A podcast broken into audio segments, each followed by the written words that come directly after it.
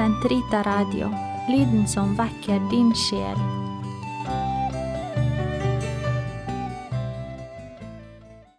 Hei, og velkommen til Katolske hode, episode 5, Tradisjon og kirkefedrene. Mitt navn er Øyvind Evenstad, og dette er programmet der vi ser på ulike tema fra et katolsk perspektiv som bygger på tru og fornuft. De fleste vet nok at katolikker skiller seg fra protestanter bl.a. ved at vi ikke tror på prinsippet om Skriften alene, på latin sola scriptura, det vil si at det eneste vi trenger som kristne, er Bibelen, men på både Skrift og tradisjon. Dette er ikke det eneste området der katolisismen sier både og i stedet for enten-eller. For eksempel, Kristus har både en guddommelig og en menneskelig natur. Mennesket består av både kropp og sjel, og vi kan få tilgang til sannheten gjennom både tru og fornuft. Det som kjennetegner et heresi, har gjennom historien ofte vært at man holder fast på bare den ene sida av disse begrepsparene og forkaster det andre. Ordet heresi kommer nettopp fra det greske ordet heireses, som betyr valg. Man tar altså et valg mellom to tilsynelatende motsetninger, men katolisismen holder fast på begge to. Hva lærer så Den katolske kirke om forholdet mellom skrift og tradisjon? I den såkalte misjonsbefalinga i Matteusevangeliet, kapittel 28, ser vi at Jesus ga følgende befaling til sine disipler og til hele kirka. Jeg har fått all makt i himmelen og på jorden. Gå derfor og gjør alle folkeslag til disipler. Døp dem til Faderens og Sønnens og Den hellige ånds navn og lær dem å holde alt det jeg har befalt dere. Og se, jeg er med dere alle dager inntil verdens ende. Vers 18-20. I Den katolske kirkes katekisme, artikkel nummer 76, kan vi lese at overleveringen av evangeliet har foregått på to måter etter Herrens befaling. Muntlig, av apostlene som i sin muntlige forkynnelse, ved sitt eksempel og sine forordninger, overleverte det de selv hadde mottatt gjennom sitt liv med Kristus, gjennom Hans ord og gjerninger, eller også lært ved Den hellige ånds inspirasjon. Og skriftlig, av de apostler og andre menn med apostolisk oppdrag, som skrev ned frelsens budskap under den samme Hellige ånds inspirasjon i den grad Bibelen også er en overlevering av evangeliet, bare at den er skriftlig snarere enn muntlig, kan også den sies å være en del av tradisjonen. Ordet tradisjon betyr nemlig overlevering, fra det latinske ordet tradere, som betyr å gi videre. Noen protestanter vil peke på enkelte bibelvers som ser ut til å være kritisk mot tradisjon generelt. I Markusevangeliet kapittel 7 vers 8 sier Jesus til fariseerne, Dere har forlatt Guds bud, men holder fast på menneskers overlevering eller tradisjon. I brevet til Kolosserne kapittel 2 vers 8 skrev Paulus, Pass på at ingen får fanget dere med visdomslære og tomt bedrag som stammer fra menneskelige overleveringer eller tradisjoner, og grunnkreftene i verden og ikke fra Kristus. Men denne advarselen mot tradisjoner som ikke stammer fra Kristus, lar det stå åpent om det finnes andre tradisjoner som stammer fra Kristus. I verset rett før, vers 7, skriver Paulus at Hold fast ved den tro dere er opplært i, med overstrømmende takk til Gud. Opplæring er i seg sjøl en form for tradering, så troen kommer altså til oss gjennom en tradisjon. Her er noen flere eksempler på en positiv vurdering av tradisjon i Pauli brev. Andre Tessalonikerbrev, kapittel 2, vers 15. Stå derfor fast, søsken, og ta vare på de overleveringene, eller tradisjonene, vi har undervist dere i, enten muntlig eller i brev, altså skriftlig. Første Korinterbrev, kapittel 11, vers 2. Dere skal ha ros for at dere husker på meg i alt, og holder fast på de overleveringene eller tradisjonene jeg har gitt videre til dere. Andre brev til Timoteus, kapittel 2, vers 2. Det du har hørt av meg i mange vitners nærvær, skal du gi videre til pålitelige mennesker som er i stand til å undervise andre. Den hellige skrift, Bibelen, er inspirert av Den hellige ånd og utgjør Guds ord. Dette lærer den katolske kirke like sterkt som en hvilken som helst protestantisk kirke. Men Skriften og tradisjonen springer ut av den samme guddommelige kilde, og til sammen utgjør dem troens skatt, på latin depositum fidei, en skatt som Kristus har betrodd til sine apostler og deres etterfølgere. Kirkens læreembete, eller magisterium, har fått i oppdrag å forkynne og tolke innholdet i denne overleveringa i lyset av Den hellige ånd, som er sannhetens ånd. Kirkens læreembete består av biskopene, apostlenes etterfølgere, som er i kommunion med biskopen av Roma, Peters etterfølger. For å unngå forvirring er det viktig å påpeke det som står i Den katolske kirkes katekisme, artikkel nummer 86. Dette læreembetet står ikke over Guds ord, men er dets tjener, og lærer ikke annet enn det som har blitt overlevert. Uten læreembetet hadde vi ikke hatt en bibel, for det var kirken som bestemte hvilke skrifter som skulle bli kanonisert, det vil si bli regna som inspirerte bøker som utgjorde en del av Skriftens kanon. Denne lista over inspirerte bøker ble ikke ferdigstilt før flere hundre år etter Kristus. Men det er åpenbart at kristne kunne leve sine liv som nettopp kristne også i tida før dette. Bibelens 73 bøker, 27 i Det nye testamentet og 46 i Det gamle testamentet, hvis man regner med de syv deuterakanoniske bøkene som ikke anerkjennes av protestanter, ble overlevert som en del av tradisjonen før den ble kanonisert av Kirkens læreembete. Det samme ble også hundrevis av andre skrifter som ikke ble tatt med i Skriftens kanon, men som likevel kan være av stor nytte for oss. Noen av disse er skrevet av direkte etterfølgere og disipler av de tolv apostlene, mens andre er skrevet av etterfølgere og disipler av disse igjen. Overleveringa fra Jesus til de tolv apostlene, den apostoliske tradisjonen, ble videreført fra ledd til ledd som en stafettpinne.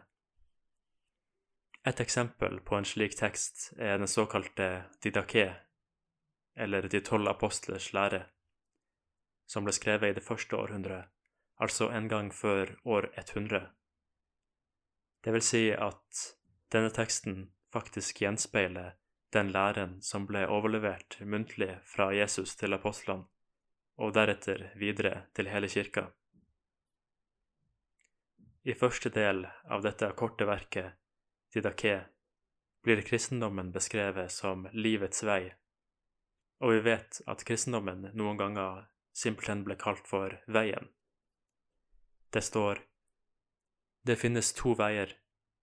Den ene er livets vei, den andre er dødens, og det er stor forskjell mellom de to veiene. Livets vei er denne. Du skal elske Gud, som har skapt deg. For det andre, du skal elske din neste som deg selv.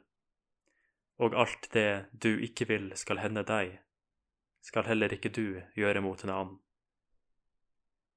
Dette kjenner vi igjen som det dobbelte kjærlighetsbud, og verket fortsetter med å gi en utlegning av innholdet i disse budene.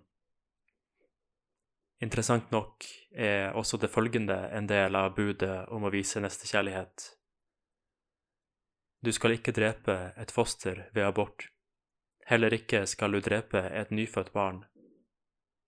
Dette viser oss at kirkens forbud mot abort er like gammelt som de tolv apostlene. Verket inneholder også en del liturgiske forskrifter, blant annet om dåpen. Det står Når det gjelder dåpen, skal dere utføre den på følgende måte.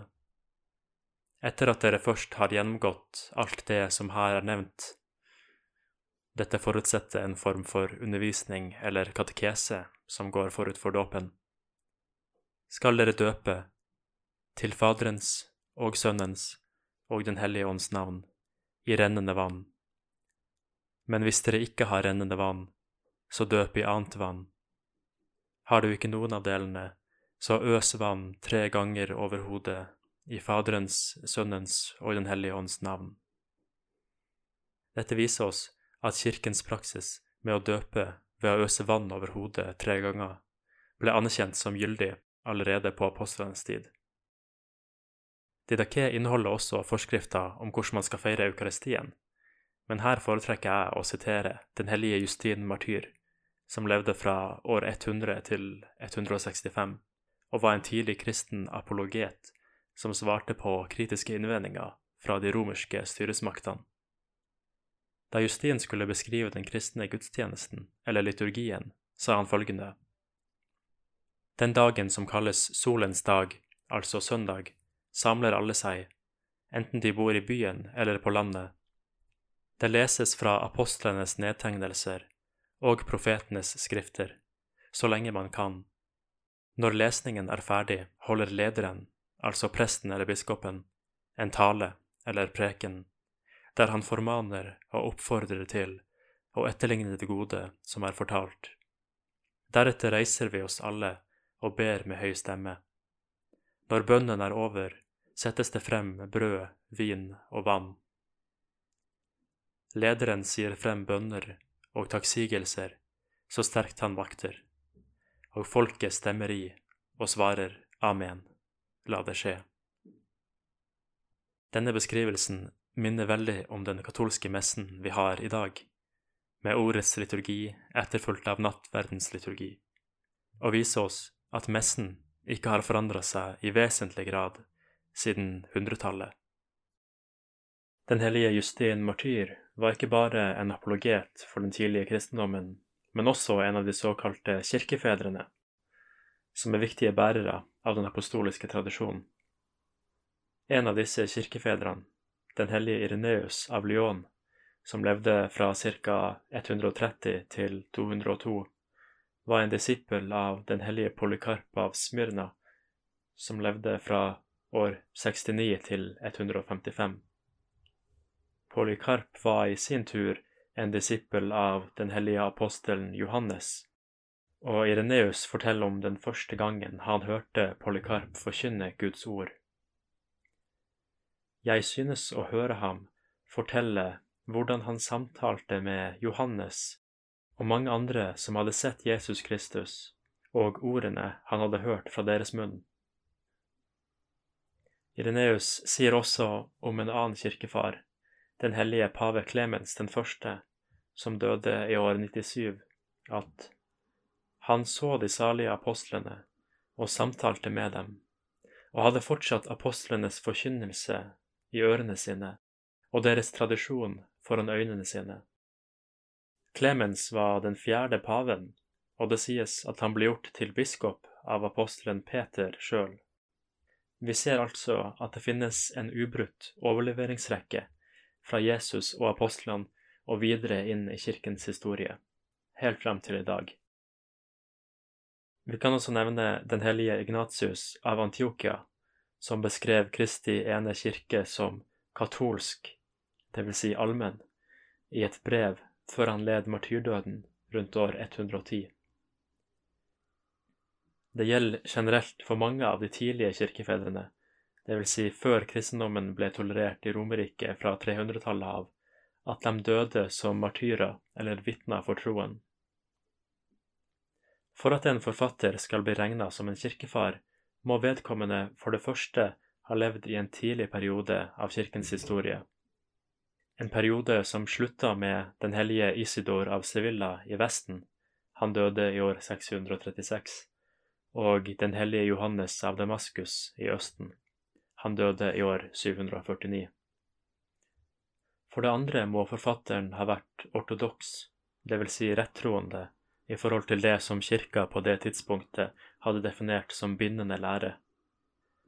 For det tredje må forfatteren ha levd et hellig liv og blitt helgenkåra.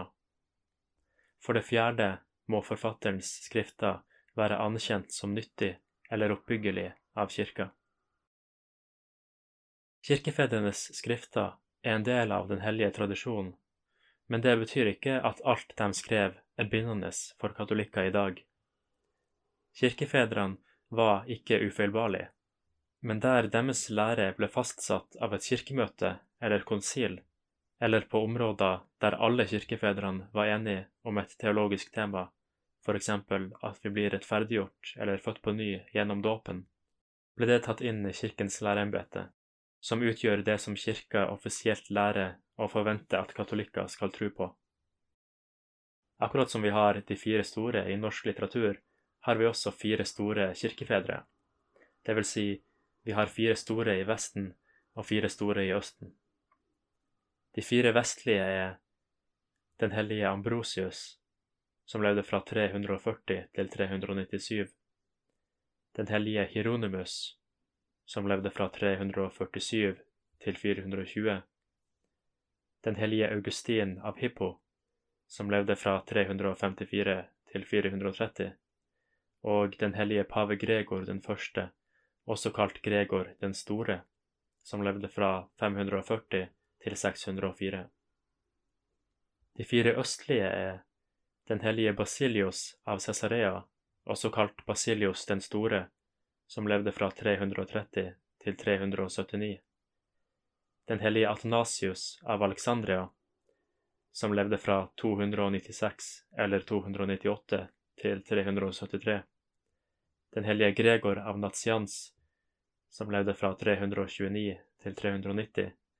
Og den hellige Johannes Krysostemos, også kalt Johannes Gullmunn, som levde fra 347 til 407.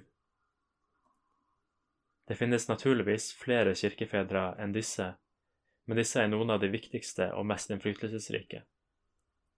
Jeg kan også nevne en annen, som ikke skrev så mye, men som hadde sin minnedag 17. januar, nemlig den hellige Antonius den store, som levde fra 251 til 356. Antonius regnes som en av de såkalte ørkenfedrene, fordi han dro ut i ørken i Egypt som eremitt for å søke Gud der og frigjøre seg fra verdslige forbindelser og fristelse til synd. Noen av verkene til de tidligste kirkefedrene, de såkalte apostoliske fedre, er oversatt til norsk og kan leses på Nasjonalbiblioteket sine nettsider hvis man går dit og søker etter de apostoliske fedre. Ellers kan man finne mange av kirkefedrenes skrifter oversatt til engelsk på nettstedet newadvent.org-fathers. Disse skriftene utgjør i sannhet en skattkiste som kirka alltid bør vende tilbake til for å hente fram nytt og gammelt av sitt forråd, Matteus 13, 52. Når jeg i fremtida skal snakke om andre, mer spesifikke tema, vil jeg derfor strebe etter å inkludere i hvert fall litt av det kirkefedrene hadde å si om temaet. Her vil jeg bare sitere to kirkefedre på temaet som jeg snakka om i dag, nemlig tradisjon. Først noen sitat fra den hellige Augustin av Hippo. Denne skikken kan antas å ha sitt utspring i den apostoliske tradisjonen akkurat som det er mange ting som blir overholdt av hele kirken, og derfor med rette anses som å ha blitt pålagt av apostlene, som ikke er nevnt i deres skrifter. Men formaningen som den hellige Kyprian gir oss, at vi skal gå tilbake til kilden, det vil si til apostolisk tradisjon, er utmerket og bør følges uten å nøle. Når det gjelder de andre tingene som vi tror på, ikke ved Skriftens autoritet, men ved tradisjonens, og som blir overholdt over hele verden, kan vi forstå at de blir holdt som innstiftet enten av apostlene selv eller av et konsil, hvis autoritet i kirken er svært nyttig. Deretter et sitat av den hellige Johannes Krysostamos. Stå derfor fast, søsken, og ta vare på de overleveringene vi har undervist dere i, enten muntlig eller i brev. 2. Tessalonikerbrev 2.15. Ut fra dette er det tydelig at de ikke overleverte alle ting skriftlig, men mange ting også uskrevne. Og på samme vis er det riktig å gi tiltro til både det ene og det andre. La oss derfor gi tiltro også til kirkens tradisjon. Det finnes en tradisjon, du behøver ikke å lete noe lenger. Ved å gå tilbake til kildene på denne måten og se på hva som har blitt sagt før, slipper vi den uheldige opplevelsen av å finne opp hjulet på nytt. Med det ønsker jeg å takke for at du har hørt på denne episoden av Katolske hode. Mitt navn er Øyvind Evenstad, og dette er programmet der vi ser på ulike tema med et katolsk verdenssyn som bygger på tro og fornuft. Til neste gang ønsker jeg deg en velsigna uke, og på gjenhør.